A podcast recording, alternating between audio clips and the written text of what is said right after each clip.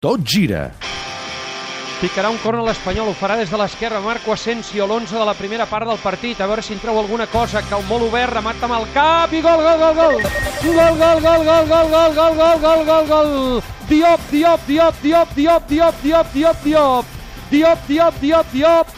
Diop acaba de marcar en la primera acció, pilota parada, l'Espanyol s'avança a la Rosaleda, acaba de marcar Diop, acaba de marcar l'Espanyol, i final, final, final del partit a la Rosaleda, el millor de tot per l'Espanyol, el punt.